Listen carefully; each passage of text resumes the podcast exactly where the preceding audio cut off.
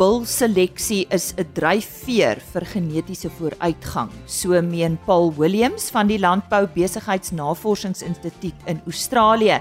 Hy was een van die sprekers tydens verlede jaar se LRFV skool en Christelise Miller het daar met hom gesels. Gerry Wiese van Lindsay Africa weer aan die woord vir oggend. Hy praat oor die belangrikste uitdagings by waterhulpbronbestuur en watter oplossings tegnologie kan bied.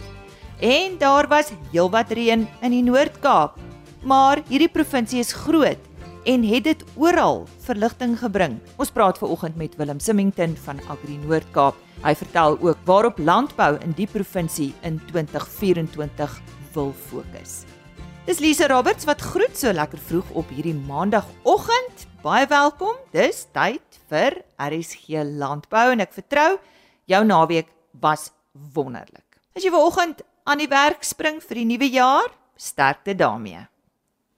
In ons somerreënvalgebiede is die plantseisoen hier en uh, ons fokus vandag op waterhulpbronbestuur en hoe tegnologie effektief kan bydra. Ek gesels met uh, Gary Wiese.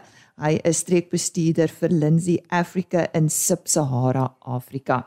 Gary, goeiemôre. Lekker om weer op RC Landbou met jou te gesels. Wat is die belangrikste uitdagings in waterhulpbronbestuur vandag? Môre Lisa. Lisa, waterhulpbronbestuur staar verskeie uitdagings in die gesig, insluitende die toenemende waterskaarsheid as gevolg van faktore soos klimaatsverandering en bevolkingsgroei.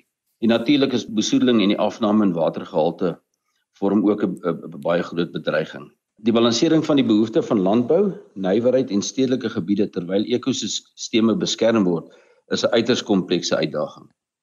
Effektiewe bestuur, volhoubare praktyke, innoverende tegnologie en beskikbaarheid van somatic besproeiingsstelsels met vol, voldoende voorraad en die beste leweringstye is dan natuurlik noodsaaklik om hierdie vraagstuk aan te spreek. Maar hoe kan tegnologie bydra tot meer effektiewe waterhulpbronbestuur? Lisa tegnologie speel 'n kritieke rol in die verbetering van waterhulpbronbestuur.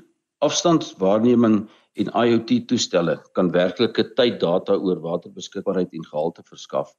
Natuurlik geografiese inligtingstelsels soos ons beter ken die GIS help met ruimtelike analise en die besluitneming. Slim besproeiingsstelsels soos Matic verminder watervermorsing in die landbou wat natuurlik van uiterste kardinale belang is. Gevorderde af, afvalwaterbehandelingstegnologieë bevorder waterhergebruik. Daarbenewens help die voorspellende modellering en data-analise om watergebruik beter te voorspel en natuurlik dan te optimaliseer. Dit alles kan bydra tot baie meer effektiewe waterhulpbronbestuur in ons landbou. Wat is 'n paar suksesvolle voorbeelde van volhoubare waterhulpbronbestuursprojekte?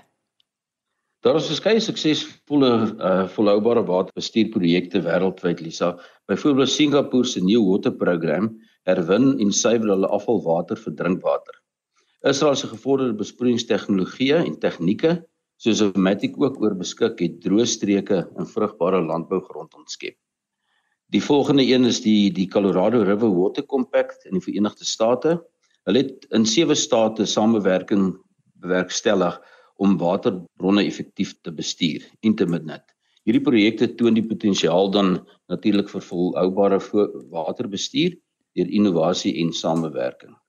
Terwyl ons as 'n Matic oor hoë tegnologie produkte beskik soos FieldNet wat ons boere help met hulle waterbestuur en ook natuurlik die waterhulpbronbestuur. Dit is aan Gerry Wiese van Lindsay Africa wat vandag met ons gesels het oor waterhulpbronbestuur en hoe tegnologie kan bydra om dit meer effektief te kan doen. Gerry Wiese is streekbestuurder vir Sub-Sahara Afrika. Vir meer inligting, besoek www.lindsay.com.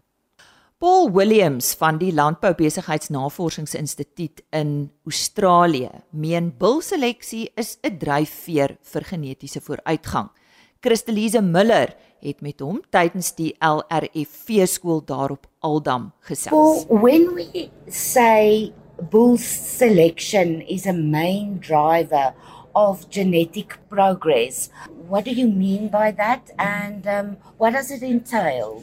So bulls drive genetic progress because half well, half the genetics that come from every crop of calf or every year of calves are coming from the males in your herd that you've bought And then, so that's 50%. And if you look at the grand, grand, the size of those dams, there's another 25% between that.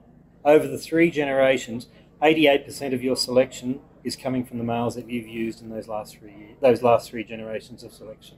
So selection is important. It is very important, yes. So you want to be buying those bulls that are going to improve your herd, and that's how you make your progress, genetic progress through the selection of the sires, and also the females you keep in the herd. But you're going to make more progress through the sires you buy than from the females you have in your herd. How can the accuracy of selection be improved? Um, accuracy is a very important one. One of the main things is that you need to performance record all your animals, not select just a section of the animals to record. Measure as many traits as you can. That way, you're not just looking at maybe you just growth. Measure some carcass traits. Measure fertility traits. So you're getting a whole coverage of that whole what that animal's genetic package can be. Use EBVs and indexes in your selection. So you, and if you're in, in a situation, use proven size because they're high accuracy EBVs. So you would not expect that that animal's potential would change as much as if you're using a young sire when you can expect some spread, some change in those EBVs. So, Paul, what traits do you look for when buying or selecting a bull? That that's a personal thing. It's up to you. What what what traits are important to you? But it's important that you look up, look at EBVs in those animals, and pick those animals that are good for the traits that are important to you. And and also, you always want to be looking at conformation of the animal, temperament of the animal, but you can identify animals by looking at their EBVs for the important traits to you. The key to successful animal breeding is the accurate description and use of this variation to breed the next generation. So, as a probably, uh, it's important that you're measuring as many traits. So that way, if we're measuring, we can make decisions. So so you're buying, you're using that information to make sure that the next generation that you're breeding is going to be better than the current generation. So, as don't know if you've heard the saying about phenotype is king. If you've got the data that you've recorded, you can make some very good decisions about where you're going to go to go forward to make sure you're always improving within your herd. This is where breed plan comes so the breed in. plan does that. We can now, with having breed plan and you're measuring all those traits, you'll have EBVs for all these important economic traits, and we can then make decisions by looking at where that animal ranks compared to the breed average. So if you want to make improve fertility, so you're picking bulls that are above the breed average fertility or growth or carcass traits, and by doing that, you're driving your whole herd forward, moving into the next generation. So the focus is especially on, you know, EBVs. It is. EBVs are only another tool in selection, but they're an important one for those hard to measure traits that you can't visually look at an animal. We can look at EBVs and we can know for carcass traits that we don't know what the intramuscular fat of an animal is or the muscle. It's you can look identify or fatness, but by using those and days to calving is another important that female fertility. By using the EBVs, we can actually see where they rank, and we can make genetic progress rather than just visually looking at the animal for those harder to measure traits. My final question: a breed plan guide to animal selection. Give us a few pointers on that. So what that really means is so we can identify. We'll look at an index or EBVs that are are relevant to you. And then we can actually rank these animals. So we can go in and do a, search on the online catalogue and say for a certain trait you want to have an animal that's in the top 30%. So we can put in there top we can put in the, the value for that 30%, another different trait, we can have a, another value, and that'll just cut down that big list of animals to those animals that are fitting into what you want in your management. So by doing that, and then we also important that we consider the pedigree of the animal, fertility, make sure the bull's a bull check when you're buying it, genomic conditions, um, also the structure, make sure the animal can walk, the temperament's good. So it's it's not only the EBVs, it's looking at the whole package of the animal and make sure that that is what you want to drive your herd forward. So your final message? Uh, my final message is, as I said, phenotype is king. You've got to be recording information or collecting data on those animals to really be able to make good genetic progress moving forward. So sê Paul Williams van die Landbou Besigheidsnavorsingsinstituut in Australië. Ons het verlede week donderdag met Johan van der Berg gepraat oor weer vooruitsigte en hy het wel verwys na die reën wat in die Noord-Kaap voorgekom het.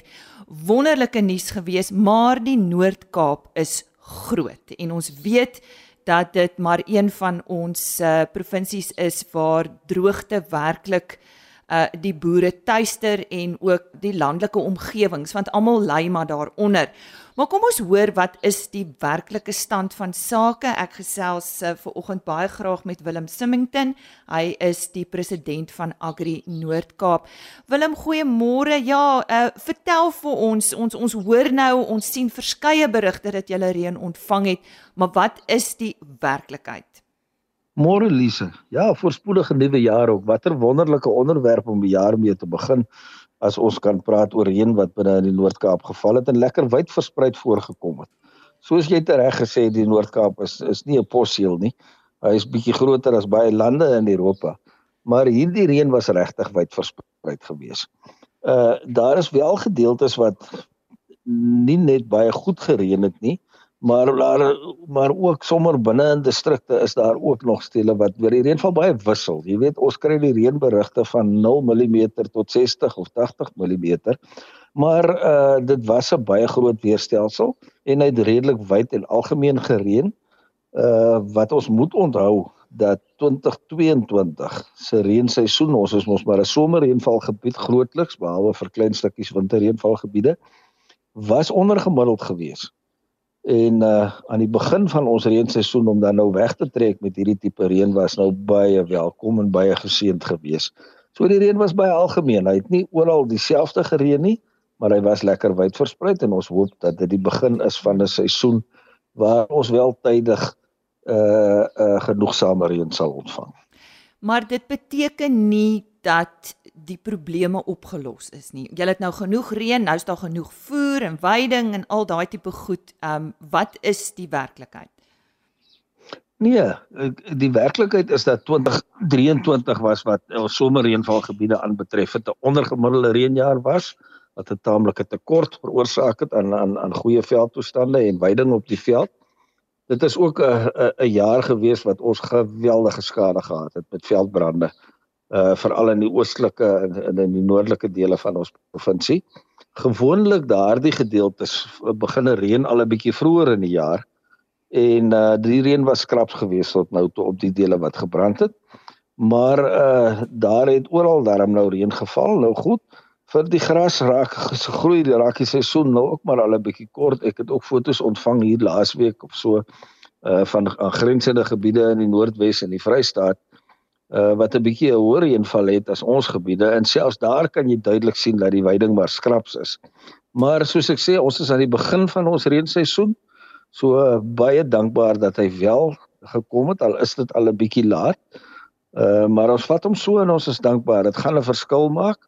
Die groot ding is natuurlik nou hoe die opvolg lyk as hierdie reën nou weer 'n een eenmalige reën is en uh, ons nou weer vir 2 of vir 3 maande moet trek voor ons weer in die provinsie reën kry, dan gaan die effek nie so groot wees nie.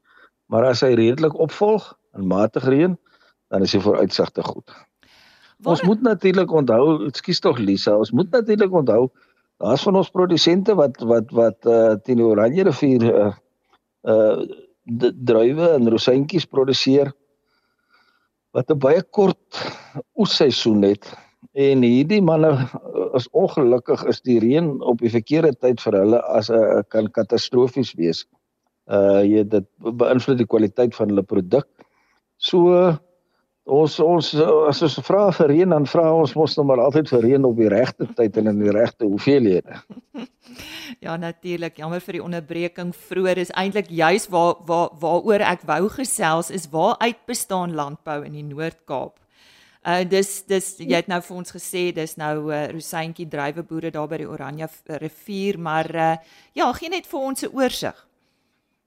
Jong, dis mos nou die uh, die Noord-Kaap is is is so wonderlik. Ons sit met hierdie geweldige magtige Oranje rivier, die grootste een in die land en van waar hy in ons provinsie inkom en uh, waar die Vaalrivierstelsel ook inkom, het ons pragtige pragtige besproeiingsgedeeltes waar die mense wêreldklas boerderye bedryf. Weet dit is van graan af, van wintergrane af soos koring en in in deur na mielies toe. Uh lucerne verbouing uh uh dan soos ons genoem het is die wingerdbedryf uh, is groot in ons provinsie met sy verskillende vertakkings van wyndruiwe uh rosientjie produsente en dan ook uitvoerdruiwe of eetdruiwe, hoe jy dit dan nou ook al wil noem. Jy weet, daar's daar nog baie ander mense wat met neute boer uh uh daar's produsente wat taamlik baie sitrus verbou. So dis wat die wat die kom ons sê dan nou maar wat die tuinbou afdeling aan betref, is dit nou nogal uh 'n groot variasie en 'n groot verskeidenheid. Dan vir die groot gedeeltes van die Noord-Kaap is mos dan nou maar ekstensiewe veeweidingsgebiede waar daar met besenskaap geboer word en ook 'n bietjie bokke uh, wat vleis geproduseer word en vesel geproduseer word. Uh dit is maar uh, basies die hart van wat die landbou in die Noord-Kaap is. Lekker divers uh uh, uh en 'n uh, 'n lekker mengsel. Mm. En uh, dis 'n dis 'n lewenskragtige bedryf binne in die Noord-Kaap. Dis maar waar die Noord-Kaapse ekonomie bestaan is, is maar op twee bene. Die een is 'n uh, is die landbou en die ander een is die mynbou. Nou goed, dit skep ook weer sy unieke uitdagings wat ons moet hanteer en dit is een van ons fokuspunte ook vir jare dat ons nog 'n bietjie later oor kan praat as jy wil. Is om hierdie wisselwerking tussen landbou en mynbou binne in ons provinsie so goed as moontlik binne die wet te hou sodat daar vir elkeen plek en ruimte is. Ja, ons gaan eh, 'n bietjie later ook met Willem gesels oor hulle fokuspunte vir 2024. Net, net eers Willem, waar is die nood nog groot? Daar is wel gedeeltes in ons wat ons moet onthou wat wat amper nou alweer vir 'n hele jaar lank onder ernstige stres was wat reënval aan betref het. En man dink veral aan aan aan gebiede van Boesmanland, die gedeeltes van Kenhardt daar vandaan verby daar na die Oranje rivier toe op na Aggeneys se kant toe die somerreënval gedeeltes van van uh, Namakwa-land nou nog na alle noordelike gedeeltes uh was die omstandighede hierdie jaar maar baie uitdagend groot gedeeltes van die Kalahari het ook maar lae reënval gehad vir die jaar. Maar uh soos ek sê, dit is dit is nie vir ons heeltemal abnormaal nie, maar ons is nog vars op hierdie geweldige groot droogte wat ons gehad het in een of een een en 'n halwe goeie reenseisoene of gemiddelde reenseisoene uh was nie genoeg om tog die stres weg te vat uh, van jou weiding af nie. Willem, kom ons kom by uh, Agri Noord-Kaap. Wie is Agri Noord-Kaap?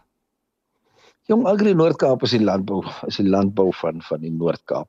Ons is 'n provinsiale struktuur en uh, jy kan maar sê ons staan so 'n bietjie in die middel. Uh met aan die bokant ons ons uh, wat ons geaffilieer is by Agri SA, ons nasionale struktuur, maar na die onderkant toe bestaan Agri Noord-Kaap uit uh boere boere landbouunies wat in elke distrik funksioneer weer met sy landbouverenigings onder ons. En hierdie is die hartklop. Dit is wat Agri Noord-Kaap so uniek maak is dat ons 'n 'n struktuur het uh wat baie goed funksioneer binne in elke distrik, binne in elke dorp, binne in ons provinsie. En uh, jy weet ons uh, sit binne in die Agri uh, Agri Noord-Kaap met 'n verskriklike klein provinsiale struktuur wat mannekrag en kapasiteit aanbetref. Ons het maar so basies 4 personeellede wat 'n groot hoeveelheid take en funksies verrig. En uh, dan het ons uh, funksioneer ons dan verder met 'n dagbestuur wat uit landbouers bestaan. Maar uh, ons ruggraat is op elke dorp is daar 'n boere uh, landbouunie met sy bestuur.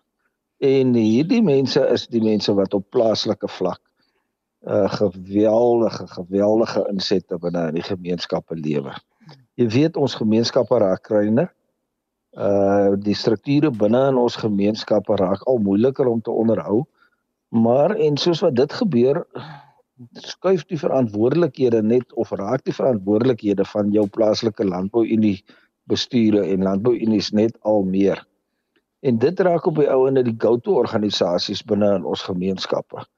Nou dis ook een van ons fokuspunte by Agri Noord-Kaap waarmee ons nou al so 2 jaar lank besig is en ons gaan hierdie jaar nog baie sterk daarmee voortgaan is om nie net van provinsiale kant af van Agri Noord-Kaap se kant af hierdie mense te bemagtig en hulle kapasiteit te verleen uit die provinsiale uh, struktuur uit nie maar ook om hulle met kennis en inligting en ondersteuning te bemagtig dat hulle al beter hulle werk op plaaslike vlak kan doen. Hmm. Jy weet dit is maar gewone mense landbouers wat hierdie funksies verrig en ek dink ons as provinsiale struktuur uh die beste wat ons kan doen is om nie al hulle probleme vir hulle op te los nie want dit is onmoontlik. Uh wel die gemeenskaplike probleme wat oor distrikte heen te uh strek en uh, van provinsiale belang as dit aan te spreek ja. maar ook om hierdie mense te kapasiteer en hulle die nodige kennis en kundigheid te gee om wel so effektief as moontlik op plaaslike vlak te funksioneer. Julle kantoor is in Kimberley, is ek reg? Ons kantoor is in Kimberley, ja. Goed. So waarop wil julle nog fokus in 2024 om hier af te sluit Willem? Hmm, ek dink nie daar's daar is 'n nuwe vars uitdagings wat nou ewe skielik 'n uh, 'n kop uitgesteek het nie. Soos ek vroeër genoem het, is die Noord-Kaap se mynbou sektor geweldig groot. Uh daar is maar 'n gedurende 'n uh, 'n uh, 'n interaksie tussen landbou en mynbou omdat ons vir dieselfde natuurlike hulpbronne kompeteer. Dit gaan oor water en dit gaan oor grond. En uh ongelukkig moet ek vir jou sê dat uh om net om hierdie hierdie hierdie uh, eksplorasie en ontginning en die goed net alles soort van binne die wet te probeer te hou is al 'n geweldige uitdaging. Ons kan nie verwag dat mynbou moet verdwyn nie. Maar ons kan die waghondrol speel om te sorg dat wanneer aktiwiteite plaasvind in die Noord-Kaap, moet dit so moet dit binne die wet wees tot voordeel van almal. Dan het ons nou maar weer nog altyd die geweldige uitdaging van infrastruktuur. Weet en dan dink ek spesifiek aan paaie. Dit bly 'n geweldige uitdaging want paaie in in in ons provinsie is ons lewensare. Uh sonder oordentlike padinfrastruktuur raak dit geweldig moeilik om te produseer daarmee moet ons maar voortdurend met die regering skakel en ons sal met met nuwe innoverende idees uitkom om uh, hierdie stelsels in plek te hou. Dan 'n nuwe probleem wat uitsteek kop uitsteek by rondom kragvoorsiening is nie net die beurtkrag nie en is nie net die die die uh, uh die invloed daarvan op op produksie in ons provinsie nie. Maar ek is ook geweldig bekommerd oor die die stand van die infrastruktuur van die van die netwerk waarmee die krag versprei word. Weet ons ervaar hierdie laaste klompie maande dat daar baie gereeld op verskillende lyne in die provinsie uh probleme kom en lyne onklaar raak. Uh wat vir my kommerwekkend is, ek het 'n gedagte dat uh, die lyne dalk in 'n swakker toestand is as wat 'n mens besef. Maar ook dan vat dit geweldig lank om hierdie foute te herstel weet jy sit met dorpe en gebiede wat op die ou ene vir 2 en vir 3 en vir 4 dae uh sonder krag is. Nou uh, jy kan voorsiening maak vir beurtkrag, jy kan beplan nog in 'n mate daar rondom, maar hierdie onvoorsiene kragonderbrekings is 'n geweldige probleem. Ons sal vir jare hierdie ding met Eskom moet uitklaar en ons sal moet moet moet uh, op 'n beter plek aankom. Hy sê of dit dan nou 'n nuwe program is om lyne te herstel en of dit beter voorsiening van tegnisie is, weet ek nie maar daarvan sal moet werk gemaak word. Nou ja, ek wil graag met nog iets afsluit as ek mag. En uh ja, jy het natuurlik heelwat produsente en luisteraars van Noord-Kaap wat vanoggend nou jou luister. Dalk net so boodskap van jou af. Nee, ek bly opgewonde oor landbou in die Noord-Kaap. Wie dit is ongelooflik hoe innoverend landbouers is en ook uh op 'n ou eenvoudige vlakkie as jy vir 'n landbouer vra wanneer is jou beste jaar, sê hy vir jou volgende jaar. En ek ervaar dit oral waar ek kom. Ek ervaar 'n geweldige positiwiteit in die landbou. Ek ervaar dat die, dat dat die produsente op die hoogste tegnologiese vlak en op die hoogste finansiële vlak opereer. Ons sit met topboere in die Noord-Kaap, ons van Agri Noord-Kaap se kant af sal met of dit op plaaslike vlak uh, distriksvlak of provinsiale vlak of dan op nasionale vlak by AgriSA sal ons ons bes doen om die omstandighede vir landbouers so voor gunstig te maak as wat dit moontlik is sodat hulle kan aanhou om volhoubaar te produseer en ekonomiese lewensvatbare besighede te bedryf. So sê die president van Agri Noord-Kaap Willem Simington en ek is daarom bly ons kan ver oggend op 'n positiewe noot afsluit. Dankie Willem. Dankie Lise en 'n baie mooi en voorspoedige jaar vir julle ook.